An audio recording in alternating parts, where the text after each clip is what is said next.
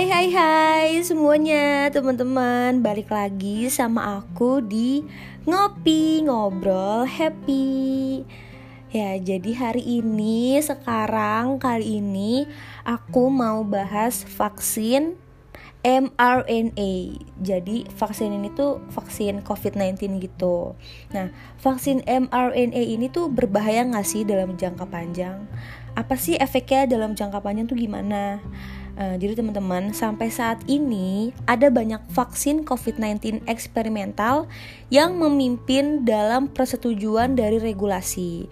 Ini termasuk vaksin yang diproduksi oleh Pfizer, Moderna, dan Oxford eh, AstraZeneca. Ketika situs CDC diluncurkan bulan depan, vaksin yang menggunakan messenger RNA RNA atau mRNA kemungkinan besar akan menjadi vaksin COVID-19 pertama yang digunakan di Amerika Serikat. Jadi teman-teman, vaksin mRNA ini adalah vaksin jenis baru dengan potensi keserbagunaan tinggi dan sifat keamanan yang menguntungkan. Wow.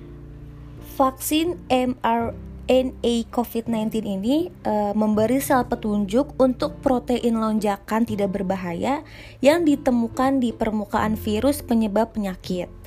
Vaksin digunakan untuk otot lengan atas. Setelah instruksi masuk ke dalam sel otot, mereka akan digunakan untuk membuat blok protein.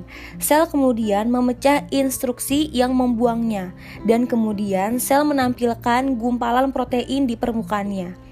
Sistem kekebalan akan mengenalinya, kemudian membangun tanggapan kekebalan dan memproduksi antibodi seperti infeksi alami terhadap COVID-19.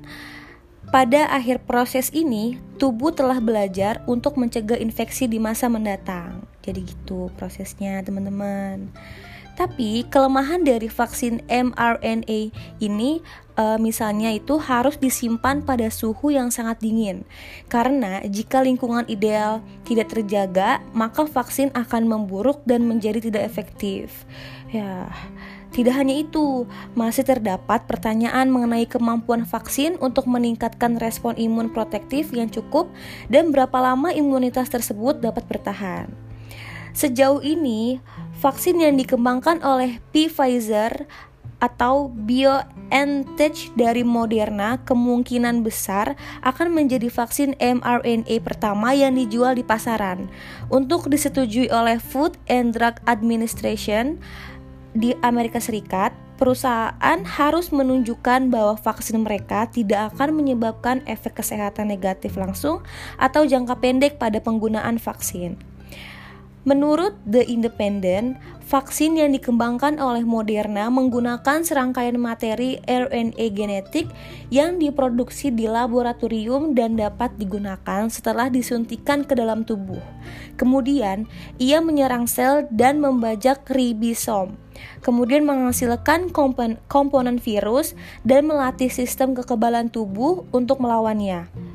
Tapi ini bukan berarti vaksin akan mengubah kode genetik manusia. Namun telah diakui bahwa vaksin mRNA ini memiliki resiko yang unik dan tidak diketahui, termasuk reaksi inflamasi lokal dan sistematik yang dapat menyebabkan penyakit autoimun sebuah artikel yang diterbitkan oleh Pusat Informasi Bioteknologi Nasional mengungkapkan resiko lain, termasuk penyebaran hayati dan persistensi ekspresi imunogen yang diinduksi, kemungkinan perkembangan antibodi autoreaktif dan efek toksik nukleotida dan komponen sistem pengiriman. Dan perlu diketahui, vaksin COVID-19 mRNA ini membutuhkan dua dosis. Satu disebut untuk menjaga tubuh, dan kemudian beberapa minggu kemudian harus menerima dosis vaksin kedua untuk meningkatkan respons. Yap, jadi gitu teman-teman mengenai vaksin mRNA ini, kelemahannya, cara kerjanya. Jadi buat kalian yang nantinya mau vaksin nih, kalian itu harus explore terlebih dahulu mengenai vaksin tersebut. Apa sih efek jangka panjangnya dan lain sebagainya. Oke, gitu dulu aja penjelasan aku tentang vaksin mRNA kali ini di Ngopi. Uh, semoga berguna buat kalian. See you teman-teman. Bye.